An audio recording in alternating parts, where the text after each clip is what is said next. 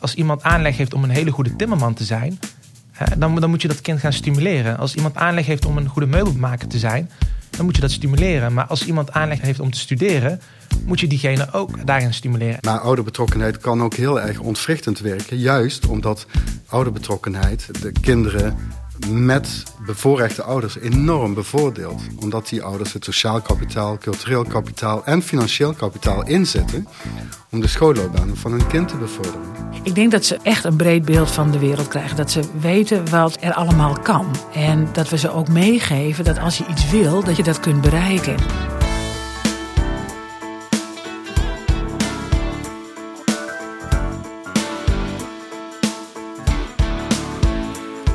Iedereen is het er wel over eens. Wat je achtergrond ook is, je verdient het om het maximale uit je talenten te halen. Maar toch bestaat er kansongelijkheid. Welke invloed heeft het gezin waarin je geboren wordt, de school waar je heen gaat, de wijk waarin je opgroeit? En vooral, wat kunnen we doen om te zorgen dat iedereen zijn kansen krijgt? In deze podcast ga ik, Allard Amelink, in gesprek met experts, bestuurders en mensen op de werkvloer. Op zoek naar het antwoord op die ene vraag: hoe zorgen we voor gelijke kansen voor iedereen? Want ieder talent telt.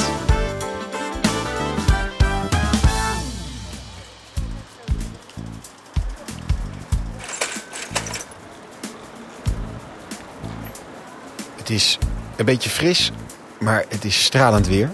En ik eh, ben met mijn fiets onderweg naar uh, Utrecht West.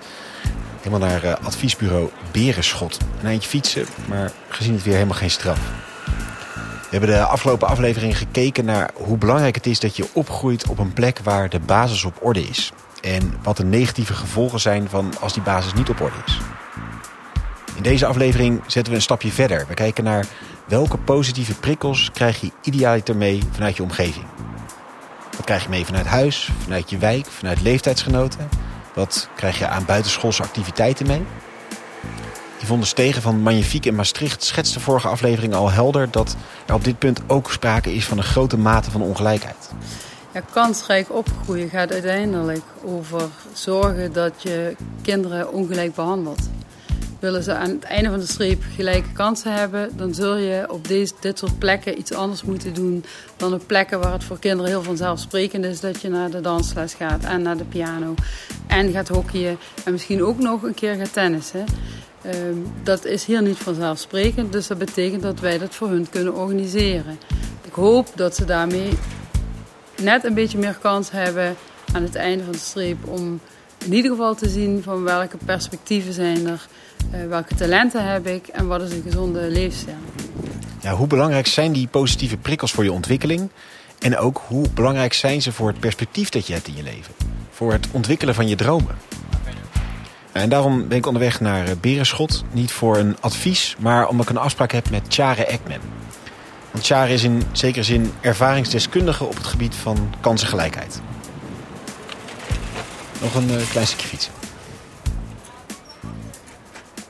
Ik ben uh, Chare Ekman, uh, 26 jaar oud. Uh, zoals je aan mijn accent hoort, kom ik uit het zuiden. Ehm, ik werk op dit moment bij Berenschot als adviseur openbaar bestuur. En ik heb afgelopen zomer mijn masterdiploma behaald. De master bestuurskunde aan de Radboud Universiteit in, in Nijmegen. Ja, en terecht neemt Chare in zijn voorstelrondje even mee dat hij die master net gehaald heeft. Want hij heeft een lange weg door het onderwijs afgelegd. Want ik kwam zelf van het VMBO. daarna heb ik het MBO afgerond. En... Ja, en na het MBO deed hij een HBO-opleiding. Toen een pre-master. En dus recent heeft hij zijn master afgerond. En daarmee was Chare de eerste in zijn familie die een universitair diploma haalde. Nou ja, kijk, uh, mijn ouders zagen altijd wel het belang van studeren. Hè? Uh, dus dus uh, ze vonden het belangrijk dat ik, dat ik goede studieresultaten behaalde. maar in mijn omgeving zijn er weinig mensen die echt hoog opgeleid zijn. Hè? ik ben de eerste binnen, binnen de familie met een universitaire diploma. Chare heeft altijd veel steun ervaren van zijn ouders. Maar toch was het feit dat zijn ouders niet gestudeerd hadden soms wel lastig.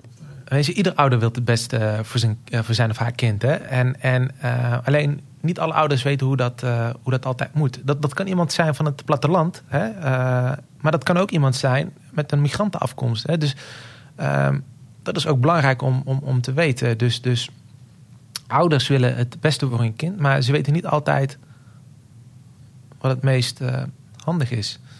Als je kind een hogere opleiding volgt dan jij zelf hebt gevolgd, of bijvoorbeeld een hele andere richting, dan kun je je kind natuurlijk niet goed helpen met de inhoud van de school of van een studie. Maar los van de inhoud heb je natuurlijk ook bepaalde competenties nodig om te kunnen leren. Hoe leer je nou op een goede manier? En ook op dat gebied geldt dus dat niet alle ouders daar ervaring mee hebben of daar kennis van hebben. En dan heb je ook nog de factor taal. Jelly Jolles vertelde in de eerste aflevering al hoe belangrijk een rijke taalomgeving thuis is. En hoe groot het verschil ook kan zijn tussen kinderen als ze starten met de basisschool. We weten dat kinderen uit schrale omgeving... die kunnen per jaar pak een beet 1200 nieuwe woorden leren. Maar kinderen uit een wat meer stimulerende omgeving leren er 3000.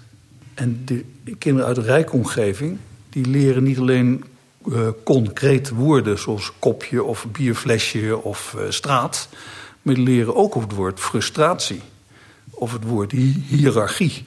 Ja, dus al voordat je aan het hele onderwijstraject begint, kun je bijvoorbeeld op het gebied van taal al op voorsprong of op achterstand staan. En daar komt dan nog eens bij dat je op de kinderopvang heel veel leert op het gebied van taal, maar ook bijvoorbeeld sociale vaardigheden, zoals samen spelen en samen leren. Maar de kinderopvang is alleen toegankelijk voor kinderen van ouders die allebei werken. Carine Bloemhoff is wethouder in Groningen en zij ziet de kinderopvang als een hele vroege bron van kansenongelijkheid.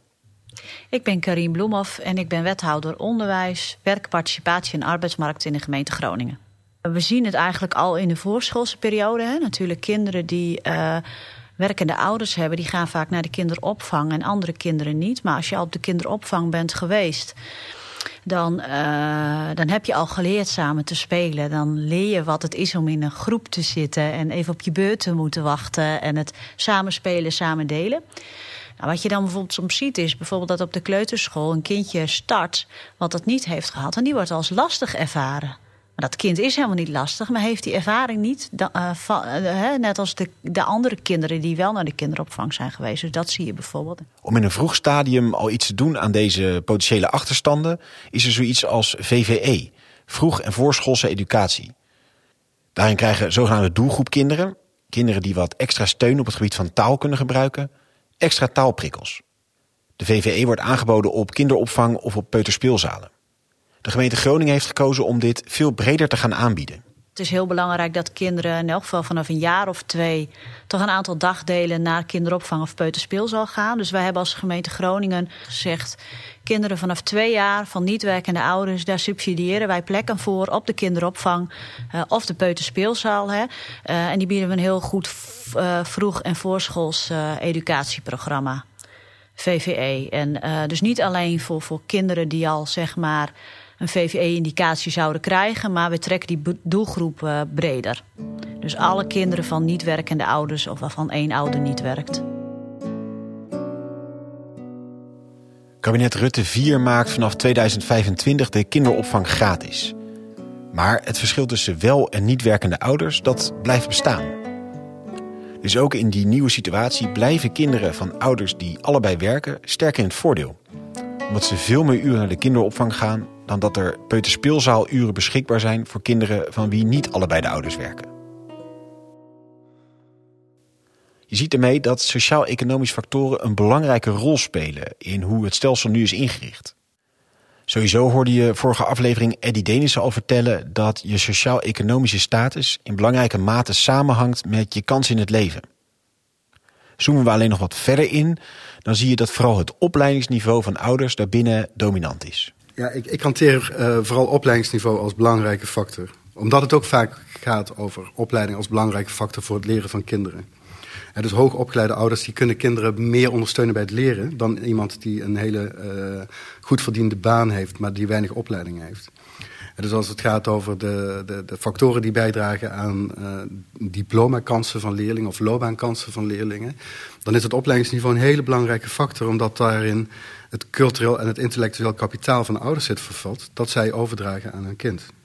Ja, dus het gaat over kwaliteit van argumentaties, uh, verrijking van woordenschat, uh, uh, interacties met elkaar. En daar heeft opleiding van ouders een veel belangrijkere rol in dan hun inkomen. Dit merkte ook het Marnix Gymnasium, mijn oude middelbare school. De school waar we onze zoektocht starten in de eerste aflevering. De school was in mijn tijd eigenlijk een soort bolwerk van witte kinderen van hoogopgeleide ouders.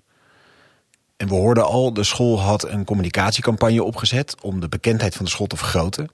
En dat werkte ook ten dele. Maar toch had het Marnix het idee dat er meer nodig was. En dus begonnen ze een extra initiatief, de zogenaamde talentklasse. Samen met een paar andere Rotterdamse gymnasia ontstond het idee om jongeren die nu minder vanzelfsprekend naar het gymnasium gingen, bijvoorbeeld omdat ze het van huis uit niet kenden, daarmee verder kennis te laten maken. En ook om het niveau van hun taal wat op te vijzelen. Omdat de gedachte was dat dat eigenlijk de belangrijkste bottleneck was in het aansluiting vinden op het gymnasium. Je hoort weer voormalig leden van de directie Jolande de Beer en Kees Kom. En toen kwam het idee om een talentenklas te starten voor groep 8. Kinderen die dan uh, volgens de basisschool wel veel potentie hadden, maar uh, zonder extra werk dat er toch niet op tijd uit zou komen. Die zouden dan gedurende heel groep 8 uh, op woensdagmiddag extra lessen gaan volgen op het Erasmiaans en op het Marnix. En mogelijk zou dan kunnen dat ze na dat jaar dus een hoger advies zouden krijgen. Dus dat ze dan wel dat VWO-advies zouden krijgen, wat ze in groep 7 nog niet hadden gekregen. Dat zijn we toen gestart.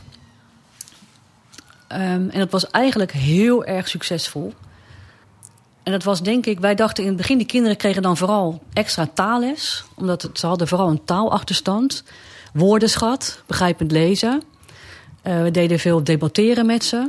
Uh, vragen stellen in de klas. Juist kritisch zijn. Want alle dingen die je op een gymnasium juist moet doen. Hè, dat is dingen niet zomaar aannemen. Zo'n docent dat tegen je zegt. Zelf denken. Uh, vragen durven stellen. Dat zijn eigenlijk codes die deze kinderen van huis uit niet altijd meekrijgen. Het is juist vaak meer van doen wat je gezegd wordt. En um, niet al te kritisch zijn misschien. In ieder geval dat niet uiten. Dat wordt op een gymnasium juist wel van je verwacht. Dus juist dat soort dingen werden ze ook wel ingetraind. Het ging dus over taalontwikkeling. En het aanleren van bepaalde vaardigheden. Van ja, een soort van kritisch denken. En het ging ook over een vorm van wereldoriëntatie. Veel leraren gingen er eigenlijk toch een beetje gemakshalve van uit dat ieder kind een soort van hetzelfde wereldbeeld had en een vergelijkbaar referentiekader. Er zijn in Rotterdam heel veel slimme kinderen, maar er zijn ook best wel kinderen die nooit met hun ouders naar een museum gaan. Er zijn kinderen hier die, die inderdaad niet thuis vanzelfsprekend uh, een krant hebben liggen. En uh, die niet iedere avond met hun ouders uh, het jeugdjournaal kijken. Of het praten over het nieuws. Of, he, dat, dat, dat is nou eenmaal een gegeven. Die kinderen zijn niet uh, dommer. Die kinderen zijn net zo slim, denk ik. alleen ze hebben niet die, die, ja, die bagage, zeg maar. Hè, die ze niet vanzelfsprekend meenemen. Ja, dan, dan betekent het misschien wel dat je extra hard moet werken op een school omdat dat namelijk wel vaak in de in het onderbewuste bijna zit van ook de uh, docent die voor een groep staat. Dat dat een vanzelfsprekende uh, bagage is die je meeneemt.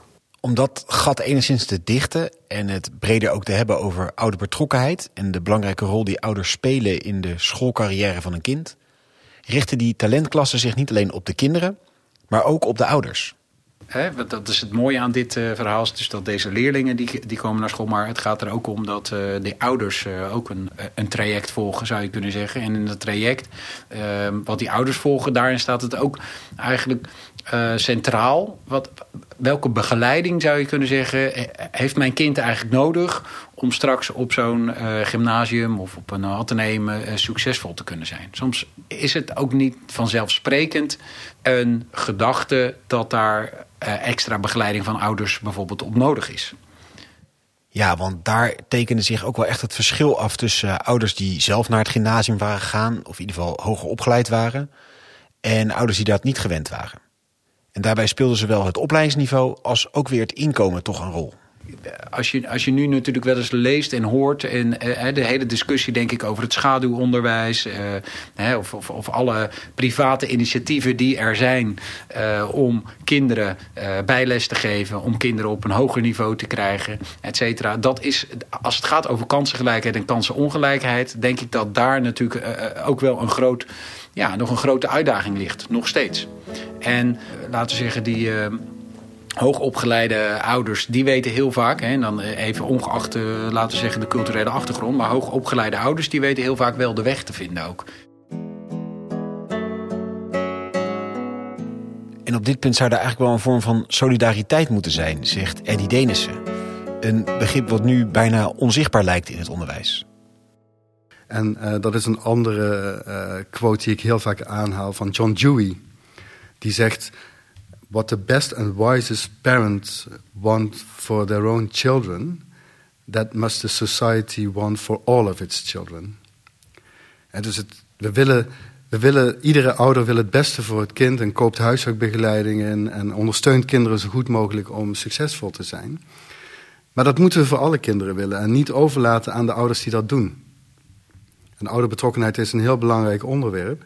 Maar ouderbetrokkenheid kan ook heel erg ontwrichtend werken, juist omdat ouderbetrokkenheid uh, de, de kinderen met bevoorrechte ouders enorm bevoordeeld. Omdat die ouders het kapitaal, sociaal kapitaal, cultureel kapitaal en financieel kapitaal inzetten om de schoolloopbaan van hun kind te bevorderen.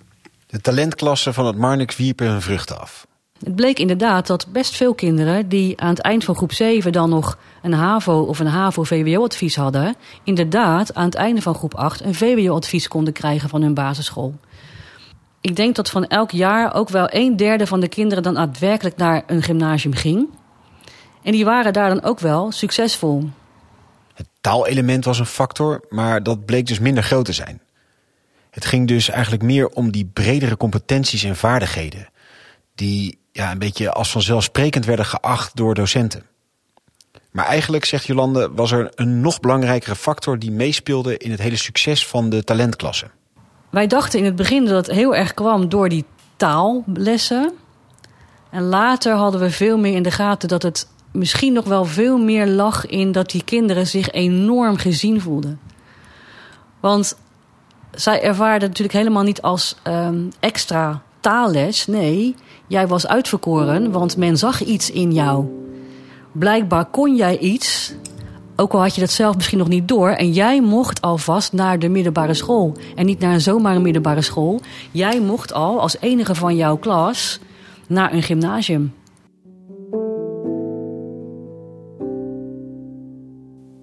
Voor je kansen is het dus belangrijk dat je veel vaardigheden vanuit huis meekrijgt. Zowel inhoudelijk gezien op het gebied van taal, et cetera, maar ook dus de vaardigheden om te kunnen leren. En daarnaast is dus ook zeker het vertrouwen en het perspectief dat je meekrijgt ontzettend belangrijk. Dat er in jou geloofd wordt. En dat jij daarmee ook weer in jezelf gaat geloven. Dat je weet dat jouw talenten meetellen. Ik neem je mee naar Den Bosch, want als ik aan talent denk, dan denk ik gelijk aan wethouder Oefu Kachja. Uh, ik ben Oefu Kachja, wethouder talentontwikkeling in Sertogenbos. Hij koos heel bewust voor die naam wethouder talentontwikkeling. Onderwijs is daarvan wel de basis, maar talentontwikkeling is veel meer dan dat. Dat gaat ook over sport, dat gaat ook over cultuur, dat gaat ook over buitenschoolse activiteiten. En de vraag is, hoe verbind je dat dan? Ook in Den Bosch is dat belang van die ja, social skills, zou je kunnen zeggen. De, de handigheid, de ervaring met het gaan naar de middelbare school. Daarom hebben ze in sommige wijken de zogenaamde brug naar de brugklas opgezet. Waarin we een aantal wijken uh, kinderen uit de verschillende basisscholen samenbrengen. En uh, die gaan naar middelbare scholen toe. En dan hebben we een mooi activiteitenprogramma waarin ze uh, nou ja, leren over uh, hoe je een boek kaft, maar ook over pesten. Ook over hoe je plant en hoe je dingen doet. Die ze misschien vanuit huis niet meekrijgen. Omdat de ouders misschien niet hebben gestudeerd of nooit die vorm van opleiding hebben gevolgd. Waardoor ze ook een beetje buddies krijgen. En daardoor de overstap van de brugklas naar de eerste met veel meer zelfvertrouwen en enthousiasme. het is ook een spannende stap kunnen doen. Dat werkt heel erg goed. Meer dan 350 leerlingen zijn daarop afgekomen. En zo ontstaan er ook buddies die dan samen ook naar school toe fietsen. En dat met elkaar fietsen is natuurlijk maar één onderdeeltje. Het gaat ook over dat je elkaar kan steunen in het studeren. En dat je elkaar kan helpen. Dat je dus zogenaamde peers hebt aan wie je kan optrekken. Peer support wordt het genoemd. Het is iets wat Tjare miste in zijn eigen schoolcarrière. Maar wat hij nu gelukkig kan doorgeven aan bijvoorbeeld zijn zusje. Kijk, ik, kan, uh, ik ben nu in staat om mijn zusje ook uh, uh, te helpen met haar studievaardigheden, om haar tips te geven en hoe ze een goed essay kan schrijven en waarom het belangrijk is om een stage te lopen. Dat, dat kan ik mijn zusje uitleggen en ook de mensen in mijn omgeving. Maar als je die mensen niet hebt, ja, dan, dan, dan wordt het wel lastig. Ja, wat je vanuit huis mee kan krijgen als positieve prikkels is dus een heel breed spectrum. Van taal, van cultuur die je aangereikt krijgt. Maar ook deze vorm van peer support is heel belangrijk.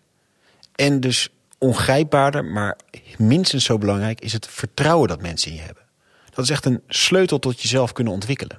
Of je uh, wel of niet allerlei reisjes maakt met je ouders en familie naar musea, naar andere steden, nieuwe werelden ontdekt, met nieuwe ervaringen uh, te maken krijgt, uh, naar verschillende sportverenigingen gaat om een bepaalde vorm van sport of van muziekinstrument te, te beoefenen. maar ook um, of er ook echt in jou geloofd wordt door je ouders, door je omgeving, door je leraar of lerares. Wat ook maakt uh, dat je die talenten uh, opzoekt en ontwikkelt. Oefoek is net als Tjare een stapelaar. Hij begon op de MAVO en klom steeds verder op. Dat komt omdat Oefoek en Tjare doorzetters zijn, maar ook omdat ze allebei te laag geadviseerd zijn op de basisschool. Maar daarover hebben we het verder in de volgende aflevering. Nu willen kijken naar wat het nou betekend heeft voor Oefoek dat stapelen het heeft hem een soort missie gegeven. Uh, het is best demotiverend, denk ik, als je in je omgeving heel veel mensen ziet die geen kansen krijgen. Waardoor je zelf gaat beginnen te geloven dat, je, dat er bepaalde dingen ook voor jou niet zijn weggelegd. Um, als ik in de handbaken rondloop en ik uh, spreek daar met heel veel jongeren, dan zijn ze soms heel erg verbaasd dat ik wethouder ben en op het stadhuis werk. Dat is iets wat zij voor zichzelf niet uh, als, als realistische toekomstbeeld zien, maar daar opeens wel de mogelijkheid toe zien, omdat iemand uit hun wijk, uit hun buurt, daar wel zit en is gekomen. Dus het gaat ook om rolmodellen, om te laten zien dat er uh, veel mogelijk is, ook voor hen. Dus dat gaat niet alleen maar over uit welke wijken mensen komen, maar ook uh, vrouwen in de techniek, uh, om maar een voorbeeld te noemen. Of in ieder geval allerlei beelden die er zijn, om die eens te weerleggen met, met rolmodellen en met voorbeelden die weer inspireren. Dat zie je in de sport heel veel gebeuren. en dat zouden we ook vanuit andere sectoren en velden mogen doen. En Tjari herkent dit. In de tijd dat het niet goed ging met zijn schoolcarrière, toen hij op het VMBO zat, was hij gedemotiveerd. En ik vraag hem, wat voor soort perspectief zag je toen voor jezelf? Zal ik, zal ik eerlijk zeggen, kijk, toen mijn opa, opa dus eh, naar Nederland kwam, heeft hij uh, bij, bij Component daar gewerkt. Hè? Dus, dus uh, al mijn, mijn ooms hebben daar gewerkt. En behalve mijn vader, mijn vader heeft daar niet gewerkt. Ik dacht, dan ga ik ook bij Component daar werken. Dat is een metaalbewerkingsfabriek. En ik, ik, ik gaf net ook aan van, ik ben op het nippertje geslaagd voor het VMBO. Ik denk, uh, het was ook echt de twijfel of ik zou slagen. Ik denk, als dat hem niet gaat worden, dan, dan moet ik wel. Uh, ga, ik ook bij componenten werken of zo. Dus ik had, ik, toen, uh, in twee, tien jaar geleden had ik nooit gedacht, echt nooit gedacht dat ik een universitair diploma zou behalen. Ik had dat ook niet gedacht toen ik op het HBO begon. En afgelopen zomer heb ik hem ontvangen. Dus dat is wel grappig. En ik, ja, ik weet ook niet wat de toekomst uh, gaat brengen, maar uh, ja, het was wel een spannende reis. Ja. ja, maar dan had dus iemand die nu consultant is bij Berenschot en zich daar als een vis in het water voelt, ja, in een metaalbewerkingsbedrijf gewerkt. Het betekent niet dat iedereen uh, aan een universiteit moet studeren, maar je moet wel kinderen stimuleren om het maximale uit, het, uit zichzelf te halen als iemand aanleg heeft om een hele goede timmerman te zijn, dan, dan moet je dat kind gaan stimuleren. Als iemand aanleg heeft om een goede meubelmaker te zijn, dan moet je dat stimuleren. Maar als iemand aanleg heeft om te studeren, moet je diegene ook uh, uh, daarin stimuleren.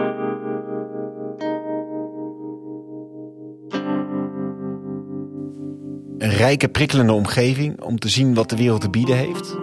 Capaciteiten en vaardigheden om te kunnen studeren peer support.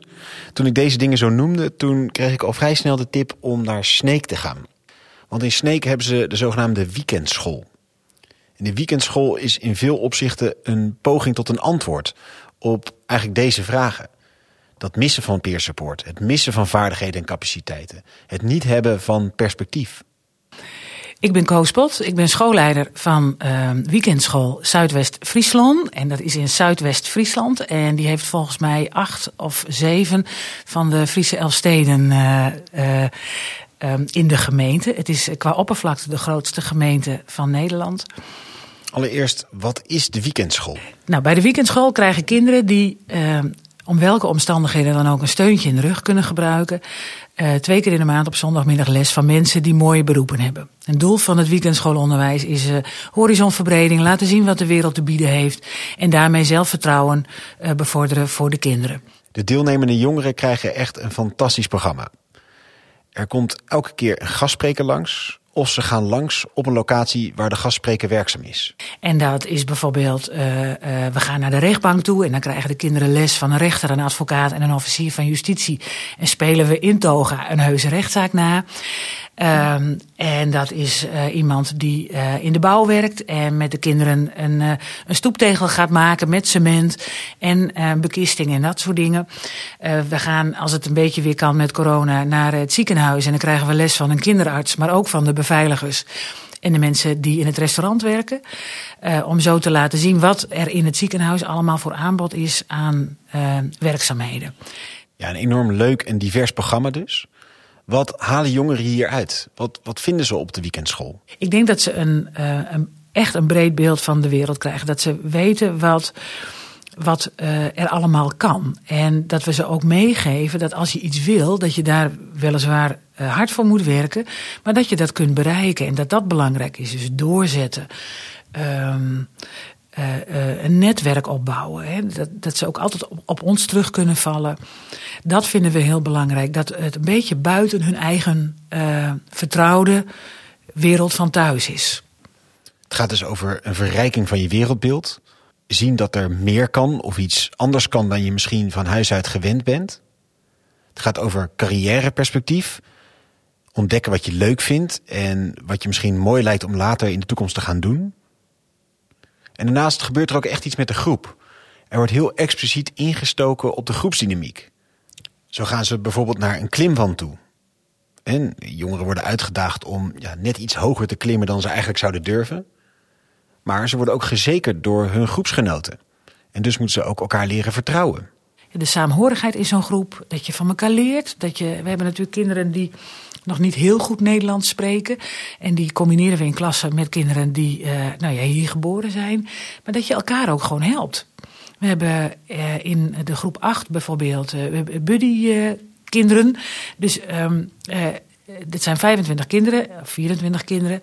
En die, hebben, die zitten allemaal in tweetallen. En dat, wordt, dat doe je met elkaar. Dus wat de een wat minder goed kan, dat, nou ja, dat stimuleert de ander. En andersom. En dat is gewoon heel erg mooi. De weekendschool is een, is een prachtig initiatief. En het is zo succesvol dat het moeite heeft om alle aanvragen die ze krijgen van jongeren die graag willen meedoen, op te vangen.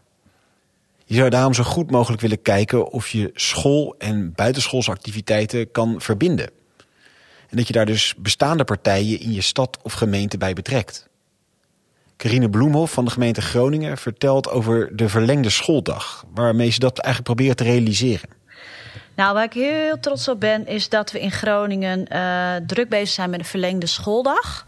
Dus dat we in de middagen op school uh, een heel mooi naschools aanbod uh, neerleggen. Dat is ook echt een samenwerking op wijkniveau. In Groningen hebben we een aantal noordelijke stadswijken nou ja, waar veel kinderen in een achterstandspositie opgroeien. En die willen we wat extra meegeven. Op het gebied van cultuur, op het gebied van sport, op gezond voeding, techniek. Dus er is bijvoorbeeld een school die heeft een heel innovatielab geopend. Een andere school richt zich weer meer op kunst en cultuur. We gaan altijd wel uit van de school. Want de school kent de leerlingen het beste. En die weet wat de leerlingen nodig hebben. Anders, en, en wat heel mooi is bijvoorbeeld in Paddenpoel en Selwet bij ons... dat het uh, tussen vier verschillende scholen wordt vormgegeven... zodat de leerlingen ook gemengd kunnen deelnemen aan het aanbod.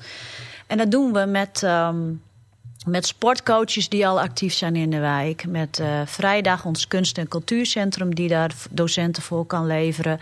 Uh, met ons wijkteam, zodat alle partijen daarbij betrokken zijn. En dat heb je niet van vandaag op morgen staan. Het is een wat langere aanpak. En ook, uh, nou, duurt soms wat langer als je met veel partijen werkt. Maar samen kom je toch verder en kun je meer bereiken. Dus nou, daar zijn we dit schooljaar mee gestart. Wij kunnen dat doen uh, nou met de bijdrage van de gemeente Groningen, maar natuurlijk ook met het Nationaal Programma Groningen, waar we geld ook krijgen voor deze verlengde schooldag. En uh, daar zijn we heel blij mee, omdat we daarmee ook een tienjarenplan kunnen maken. Hè? Want het ergste zou zijn dat we, dat geldt eigenlijk ook voor de NPO-middelen, Nationaal Programma Onderwijs. Ja, dat we één of twee jaar geld hebben en dat we dan allerlei dingen gaan optuigen en het vervolgens na twee jaar weer moeten afbreken. Dus daar zit ook wel mijn zorg bij het NPO. Ik, ik ben heel blij dat we in Groningen zo'n langjarig nationaal programma onderwijs, uh, of nationaal programma Groningen hebben, moet ik zeggen. Waar we dit, uh, dit langjarig mee kunnen gaan financieren voor die kinderen. Ja, financiën blijft toch vaak een uitdaging. Ook voor Koos Pot is het telkens een vraagteken. Ze moet elke keer weer kijken of ze voldoende geld geregeld kan krijgen om de weekendschool draaiende te houden. Het is dus niet definitief ingebed in een soort standaard aanbod van de gemeente bijvoorbeeld. Nou, voor uh, het onderwijs zou ik het geweldig vinden als het weekendschoolonderwijs uh, onderdeel wordt van het reguliere onderwijs. Uh, maar dat betekent dat er dus veel meer assistentie in de klas zou moeten komen. En ik denk, uh, ja, ik, ben niet, ik zit niet zelf in het, in het onderwijs, in het reguliere onderwijs. Dus ik, dat vind ik heel erg lastig. Maar ik hoor van mensen dat de werkdruk zo hoog is. En dat ze zo ongelooflijk veel administratieve taken hebben. Dus dat zou echt anders moeten. Dan denk ik dat er ruimte is voor, voor weekendschoolonderwijs uh, in het reguliere onderwijs. En uh, ja, voordat het zover is, zou het geweldig zijn als de minister van Onderwijs het geld voor de Gelijke Kansen Alliantie gewoon voor de komende tien jaar uh, probeert uh, te regelen. Zodat activiteiten als het weekendschoolonderwijs, wat natuurlijk op beroepen gericht is, maar ook heel erg op sociale contacten en, en samenleving en samenwerken gericht is, om dat gewoon te blijven financieren. En niet alleen in, voor ons in Zuidwest-Friesland, maar ook gewoon overal. We hebben mooie voorbeelden gezien van hoe je ongelijk moet investeren om gelijke kansen mogelijk te maken. Maar hetgene wat me meest is bijgebleven, het, het allerbelangrijkste wat er uitsprong, is toch het belang van iemand die vertrouwen in je heeft. Iemand die in je gelooft. Iemand die je talenten ziet. En iemand die je gaat helpen om dat tot bloei te laten komen. Bepaalde mensen kunnen uh, in je leven of in je studieloopbaan kunnen echt het verschil voor je maken. En, en ook uh, je het zelfvertrouwen geven van, uh, hè, van dat, je, dat je aanleg hebt om, uh, om iets te doen. Of dat je kan accelereren binnen, binnen het werkveld uh, waarin je werkzaam wilt zijn. Hè. dus, dus dat zijn wel van die life-changing events. Hè. Dus, dus als ik geen Maaike had of geen Saskia had, geen Daphne had, geen René had... Hè, dan, dan ja, zou ik mezelf kunnen afvragen van was ik dan ook hè, zo ver gekomen als nu. Want um, uh, soms heb je wel uh, een klein beetje hulp nodig om, om verder te komen. Hoe belangrijk is de rol van vertrouwen als het gaat om het onderwijs? Dat gaan we uitzoeken in de volgende aflevering. Wanneer we eindelijk gaan kijken naar dat niveau van het onderwijs zelf. We keren voor de laatste keer terug op het Marnix Gymnasium. En je hoort wie die Saskia, Daphne, Maaike en René zijn die zo belangrijk waren voor Tjaren.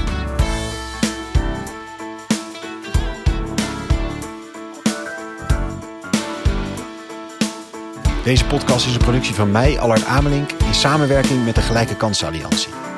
De muziek is van Victor Weigand. Wil je meer weten over de onderzoeken en de voorbeelden die in deze aflevering genoemd zijn? Kijk dan op www.gelijke-kansen.nl slash podcast. Abonneer je vooral om op de hoogte te blijven van nieuwe afleveringen. Over twee weken staat de volgende online. Graag tot dan.